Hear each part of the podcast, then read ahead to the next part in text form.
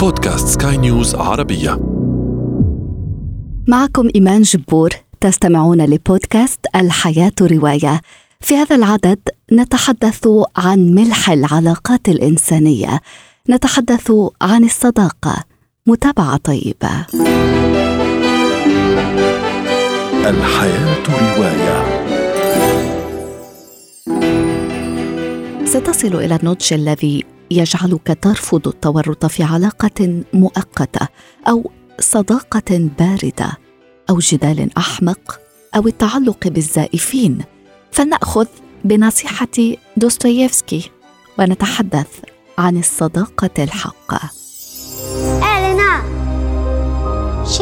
ju bak. Var vengo. قصة صداقة قصة حي فقير في نابولي خمسينيات القرن الماضي. قصة الميجوجورنو خلال الثلاثين المجيدة. قصة حميمة بأبعاد اجتماعية واقتصادية وسياسية. هي كل هذا وأكثر. رواية لاميكا جينيالي صديقة المذهلة. في الجزء الأول من رباعية الكاتبة الإيطالية إلينا فيرانتي ليلا وإلينا فتاتان صغيرتان. تنشأ بينهما صداقة متينة مثل قصة حب. غير أن الصداقة تبقى في العرف المجتمعي خلف كل الروابط الأخرى رابط الدم والحب والزواج. ففي الصداقة ليس لدينا الحق في أن نشعر بالغيرة مثلا. صداقة ليلا وإلينا تبدأ مبكرا على مقاعد المدرسة. ليلا على قدر عال من الذكاء والموهبة لكنها تتصرف بلؤم أحيانا. وعلى نقيضها تتسم إلينا بالهدوء وتنساق دائما خلف صديقتها. تمضي الرواية على إيقاع عواطف وتطلعات هاتين الفتاتين المراهقتين اللتين تكافحان قساوة الحياة تلك التي يمليها عنف الرجال والفقر والجهل.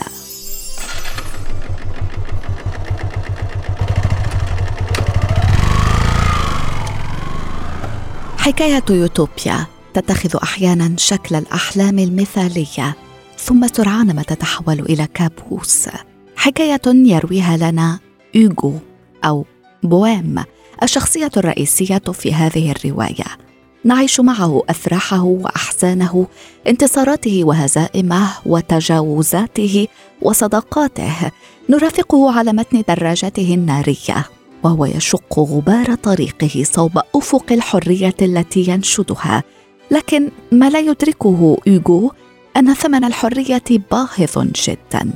أبدع أنغي لوفنبروك. رواية تفجر العواطف. ترنيمة إنسانية عن الصداقة والوفاء بعطر الحرية والجمال الجامح. Nous rêvions juste de liberté. ويمكن أن نترجمها ب كنا نحلم فقط بالحرية. لقد كان أعز أصدقائي ومن لا يعود صديقك فهو لم يكن كذلك قط.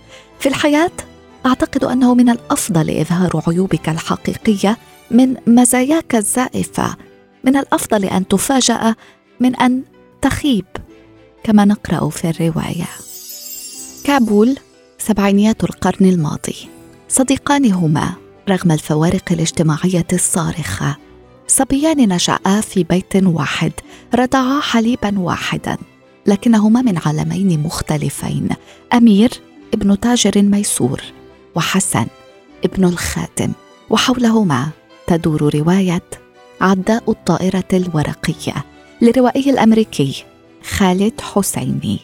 صداقة وطيدة وولع بالطائرات الورقية. يقول الكاتب فجأة همس صوت حسن في أذني لأجلك ألف مرة أخرى. لا شيء ولا أحد يفرق الصبيين لكن هذا الرابط ينكسر إلى الأبد. في ذلك اليوم المشؤوم الذي يتعرض فيه حسن إلى اعتداء شنيع أمام ناظري صديقه والأخير يدخل في ارتباك رهيب للمشاعر ولا يحرك ساكنا لإنقاذ صديقه. صيف العام 2001 أمير كاتب لجأ منذ سنوات إلى الولايات المتحدة. في أحد الأيام يتلقى مكالمة من باكستان. هنالك طريقة لتصلح ما قمت به. يقول له الصوت على السماعة. إنقاذ ابن صديق عمره. حسن. لكن هذا يعني العودة إلى أفغانستان طالبان. يعني العودة إلى وجع الماضي. الحياة رواية. وأشكركم على طيب إصغائكم. لقاؤنا يتجدد في عدد مقبل. دمتم بخير.